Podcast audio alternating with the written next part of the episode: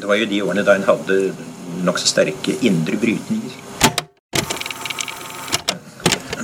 Indre brytninger.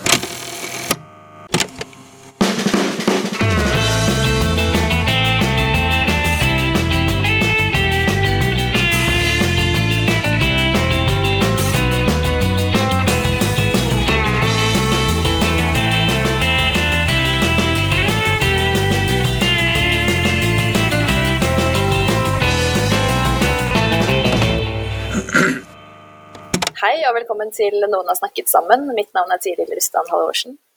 Og jeg heter Aksel Fjellavli.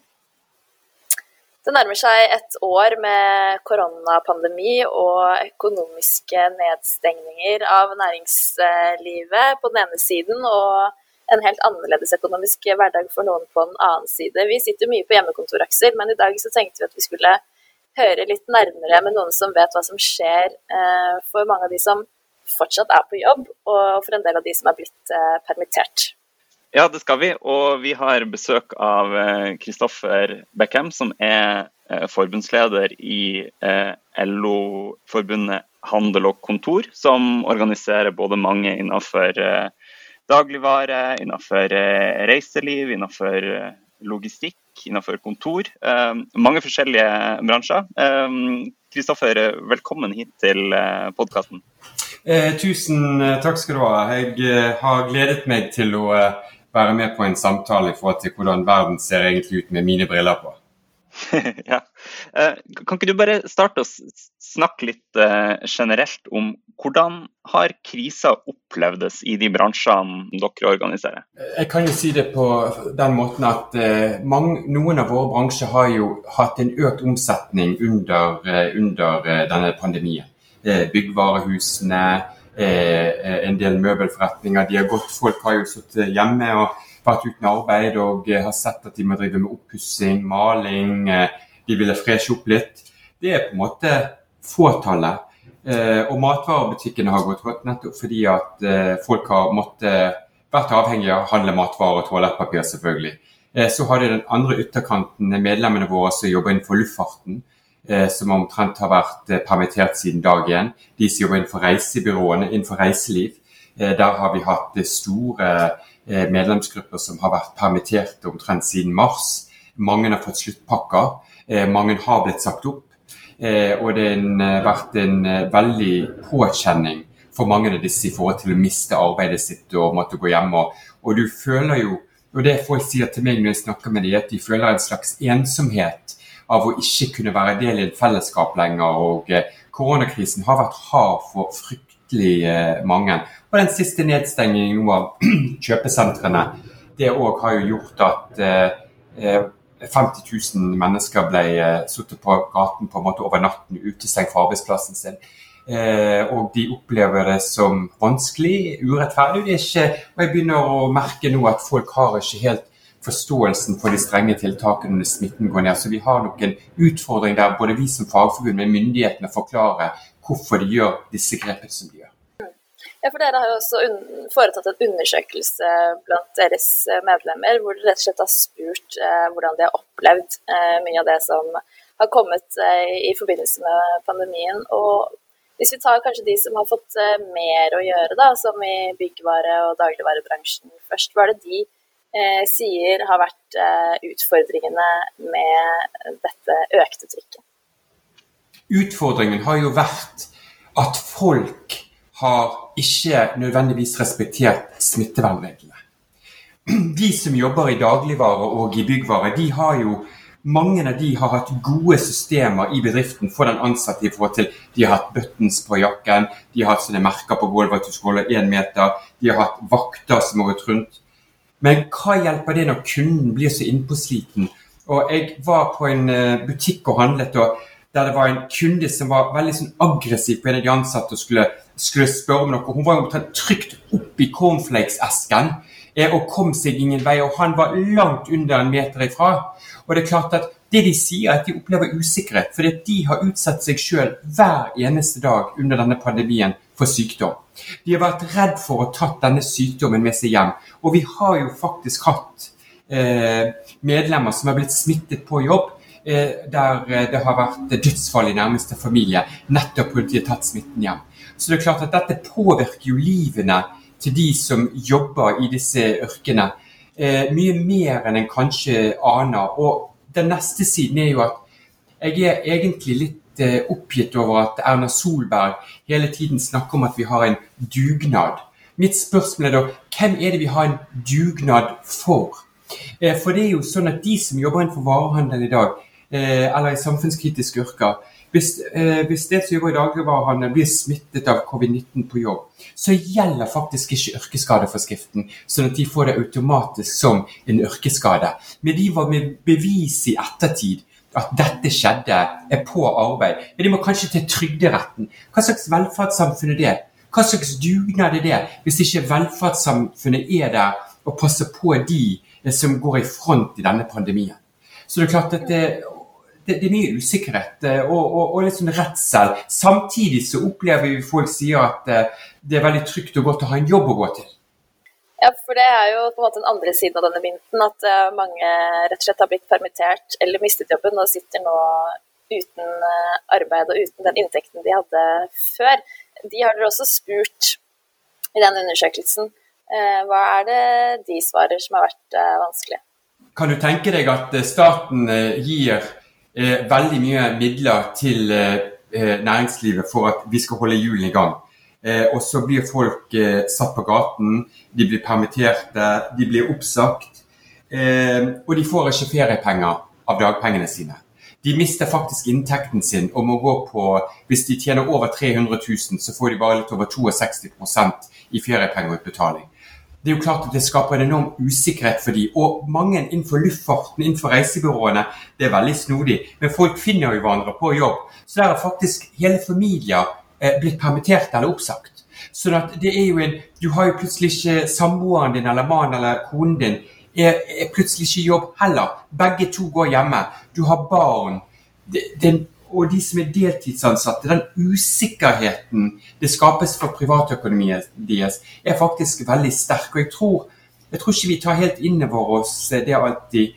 Disse medlemmene i HK og de som er arbeidssøkende nå under pandemien, dette er jo folk som hadde en jobb, dette er folk som ville være i jobb, og de er blitt uforskyldt dratt ut i dette. Og så sier vi igjen ja, vi må ha en nasjonal dugnad. Ja, de som er permittert har òg eh, eh, utgifter de skal betale i feriemåneden sin. Det er ikke sånn at de som jobber innenfor varehandel eller et kontoryrke, har råd til å reise til Thailand hver sommer på feriepengene sine. Det går jo til barn, til familie, til å få det daglige livet sitt til grunn. Så det er en veldig sånn økonomisk eh, urolighet blant, eh, blant mange. Mm. Uh, en av de tingene som uh, blir trukket fram i den rapporten, er jo ikke bare denne undersøkelsen blant HK-medlemmer, men også Eh, mer generelt om eh, hva som forskninga sier om, om eh, hvordan pandemier treffer og hvordan økonomiske kriser treffer. Og En ting som kommer fram der, er jo at det er de som uh, har det tøffeste vanlig, som også får det tøffest i, uh, i en krise. Um, kan du si noe om hvor altså de typiske HK-medlemmene, hvilken type jobb og ansettelsesforhold har de, og hvordan henger det sammen med hvordan krisa har truffet, sånn som du tenker?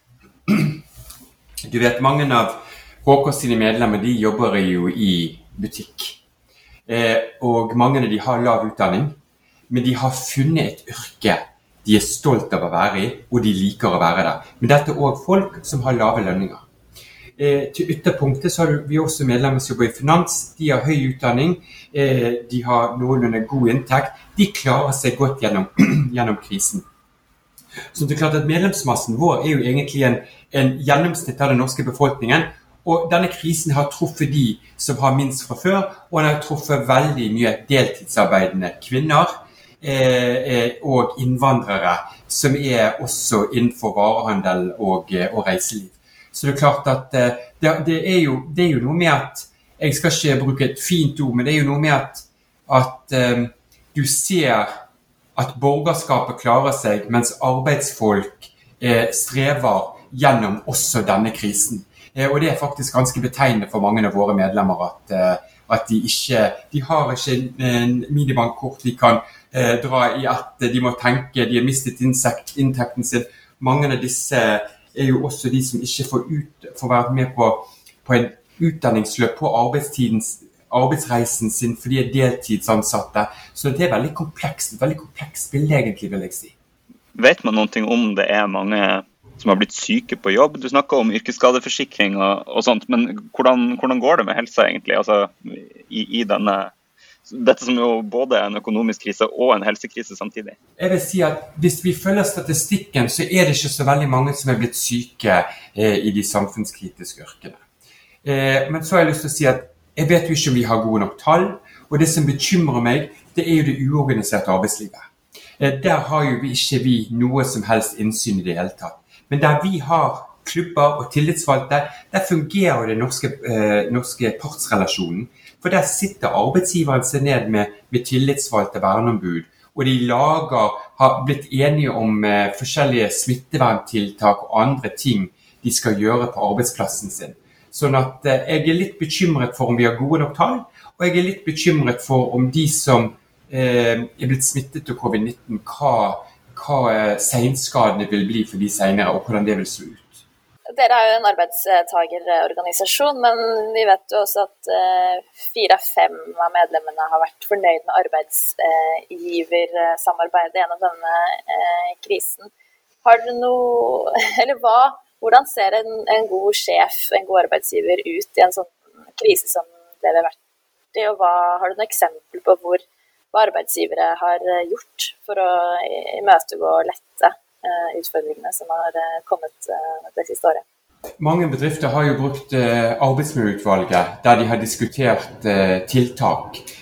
hvordan de skal iverksette tiltak, smitteverntiltak. La meg bare ta Vinmonopolet der vi har eh, over 70 organisasjonsgrad. Eh, der har jo eh, det arbeidsmiljøutvalget der som har diskutert Ledere sitter der, tillitsvalgte verneombud. De diskutert ja, vi må ha vektere på utsiden, ja, vi må ha et skikkelig system inne, vi må være veldig strenge på, eh, på smitteverntiltak. De har hatt tall eh, på hvor mange som kan være inne i butikken fra dag én.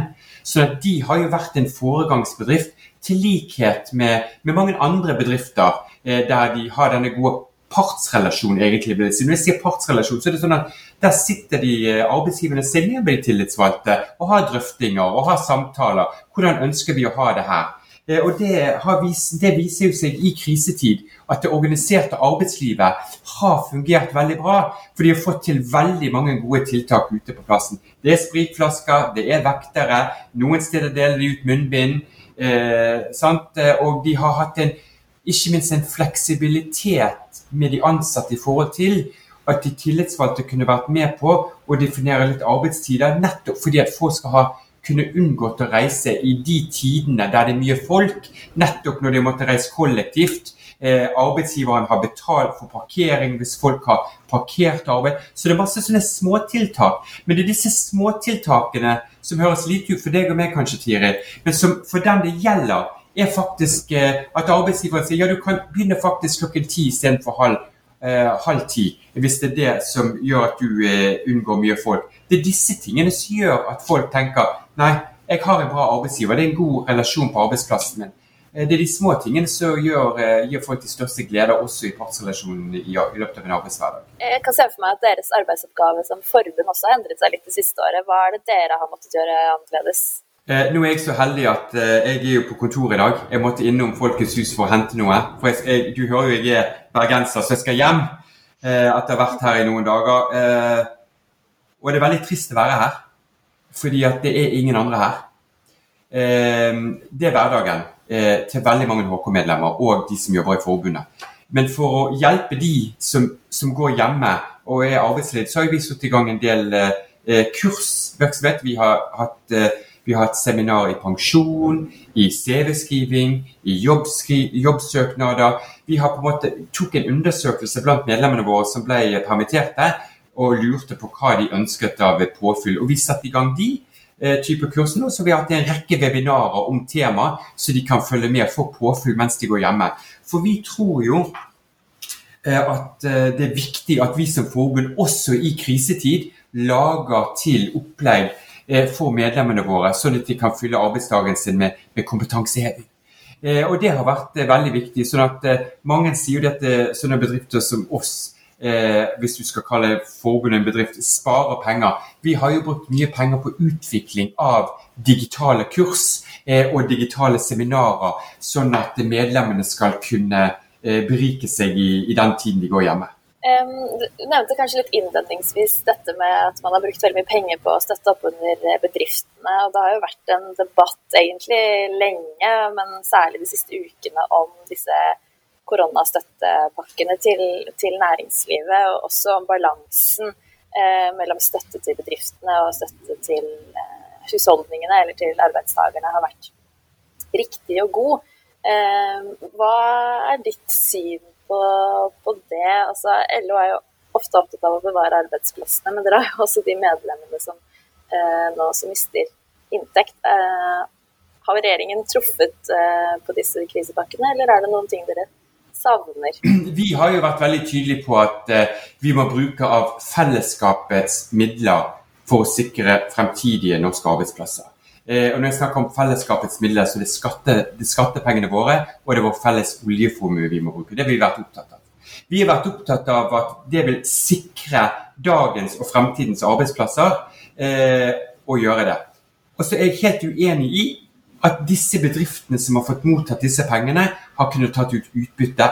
Jeg er helt uenig i at de, de har fått sagt opp folk i den tiden de har mottatt disse pakkene. Nettopp fordi at jeg tror det er veldig viktig psykososialt for folk å være på arbeid. Vi må holde hjulene i gang. Og vi har brukt våre felles skattepenger på å, å, å gi bedriftene midler til å overleve og klare seg. Eh, sånn at eh, når vi gjør det, så tenker jeg at regjeringen også samtidig så vi har gitt disse bedriftene disse midlene, så har vi i det neste siden sett at eh, de som blir arbeidsledige, de har ikke hatt feriepenger.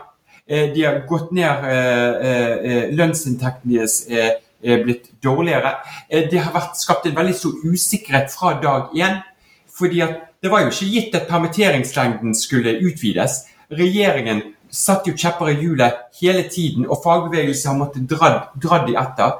Jeg har bare lyst til å si det sånn Litt sånn hjertesukk er jo at uh, Erna Solberg og Siv Jensen og den, den gjengen som styrer Norge, jeg, jeg, pleier å si at det er ikke, de er ikke for arbeidsfolk.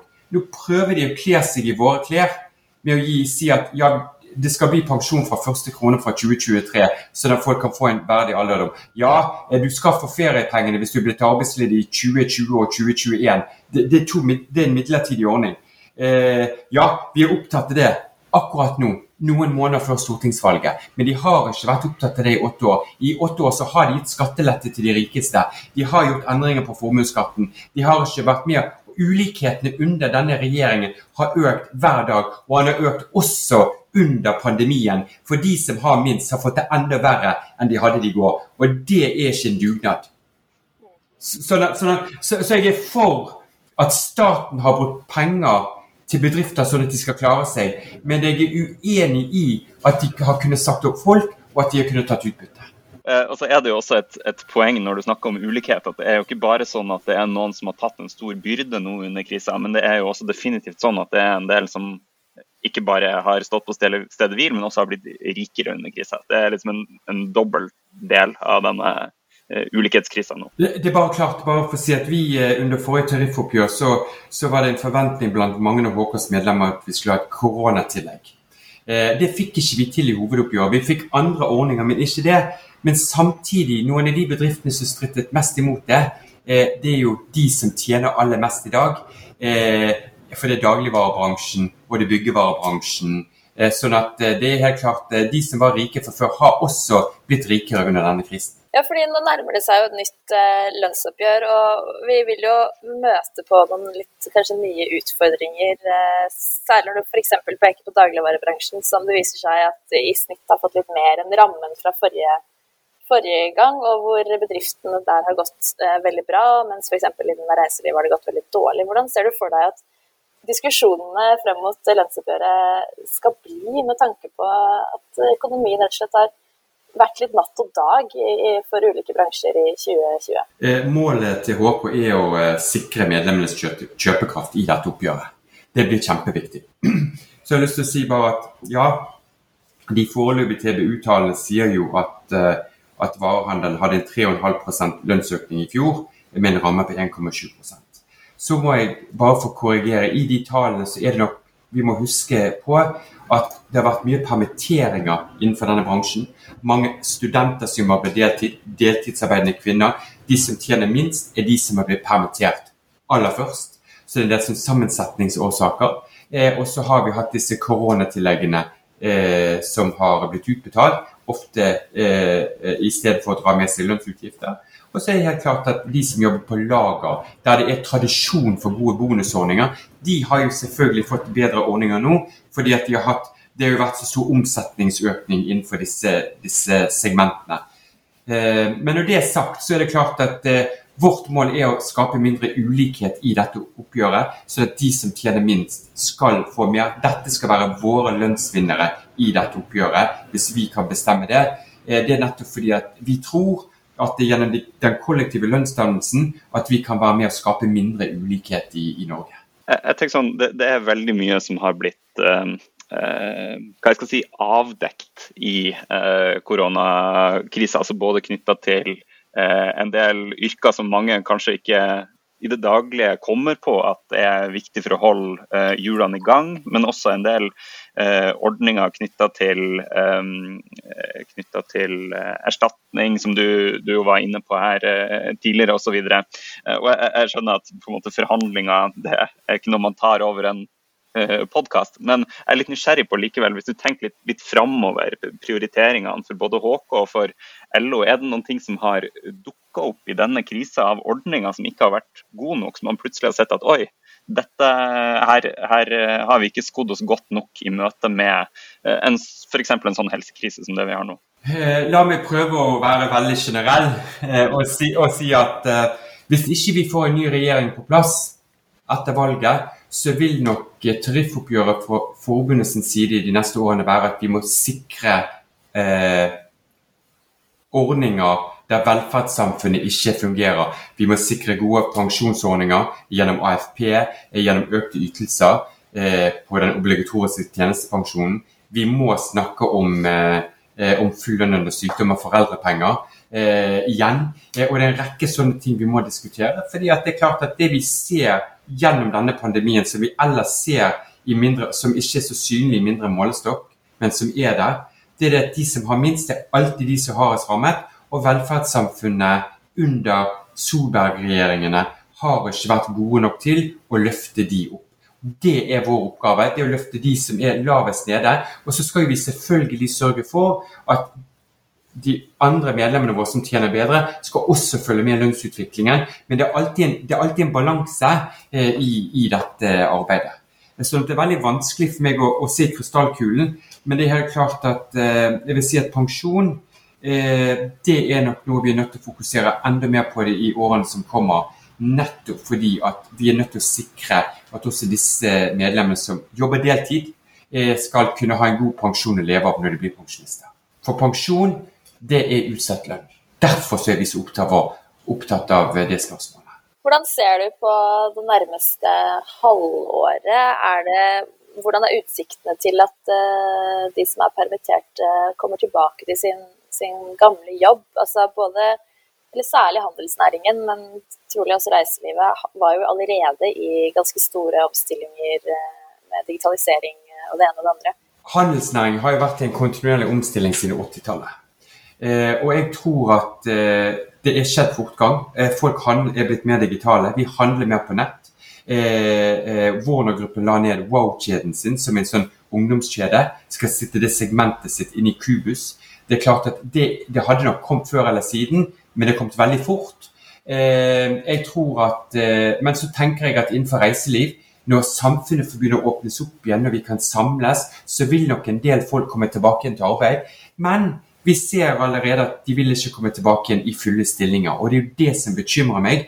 Det er jo det at pandemien kommer til å forsterke deltidsproblematikken i langt flere bransjer enn de i utgangspunktet var når vi åpner opp igjen.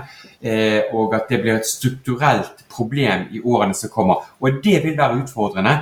For skal du kunne ha et godt liv, så må du samtidig kunne ha et yrke du kan leve av. Og du klarer i utgangspunktet ikke leve av en deltidsstilling. Så det er faktisk et veldig viktig Eh, viktig sånn, Jeg ser at det kan bli utfordrende i noen av eh, eh, bransjene våre, og jeg ser litt sånn skrekkslaget på det.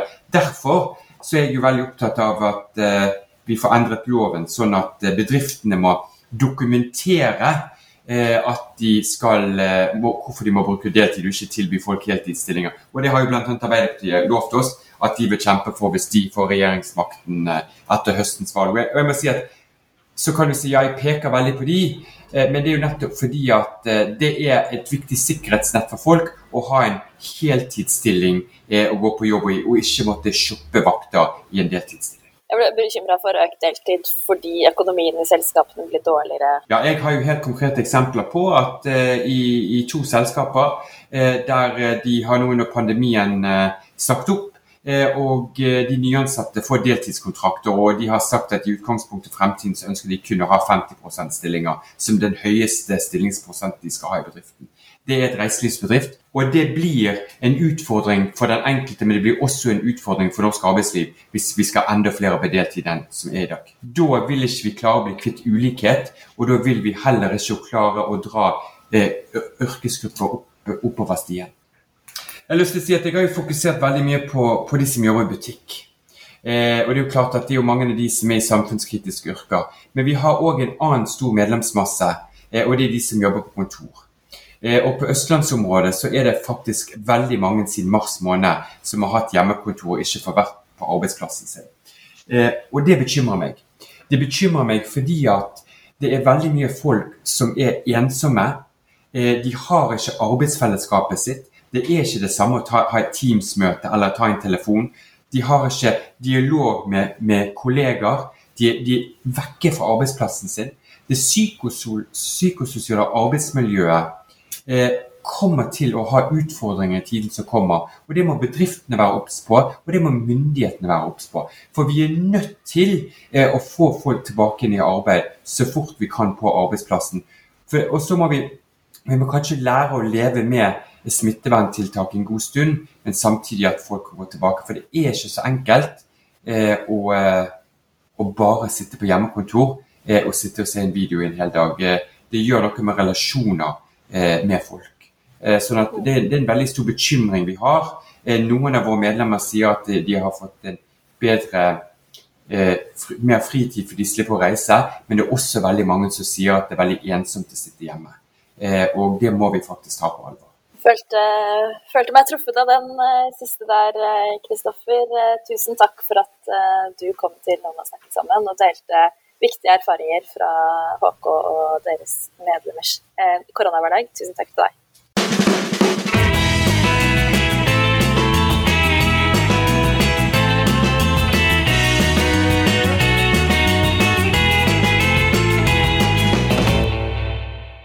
Yes, det var HK eh, og deres eh, medlemmers koronahverdag. Eh, vi sitter fortsatt på hjemmekontor, Aksel, og vi trenger jo kanskje noe, noen anbefalinger.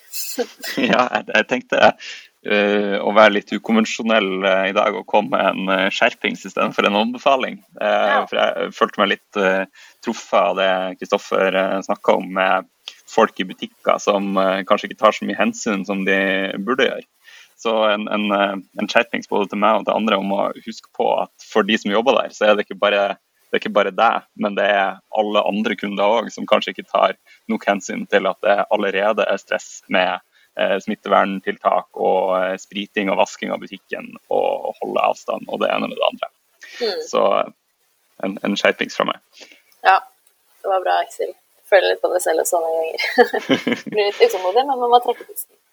Uh, ja, nei, uh, jeg tenkte uh, anbefale Eller i hvert fall at man kan sjekke ut det. Jeg snakket om forrige uke om denne aktualitetsuka til institutt for, eller Økonomisk institutt på, på, Universitetet i Oslo. Og de hadde et intervju med Nicolai Tangen i går, som fortsatt ligger ute og i hvert fall siste halvdel av det, hvor han snakker om forvaltningsstrategi og også organisasjons og, organisasjonsutvikling og ledelse, som han har veldig mange spennende tanker om, syns jeg. da. Eh, kan være verdt å, å sjekke ut, for, eh, i hvert fall for tiden etter, etter korona. Eh, da har vi fått ut nok en episode. vi har det. Ja. Vi ses neste uke. Det gjør vi. Ha det. Ha det. Vet du hva som skjer når du må jobbe mer enn du sover? Nå sliter jeg, nå sliter jeg, nå sliter jeg. Jeg klarer snart ikke å holde øya oppe. Eller hvordan det føles å ikke ha noe å gå til. Jeg skulle veldig gjerne ønske jeg kunne jobbe i stedet. I Røsla så får du historier fra grasrota i arbeidslivet. Altså det, det er vel en del folk som kanskje føler at det er eh, mindre verdt å være renholder. Du finner Røsla der du hører på podkaster.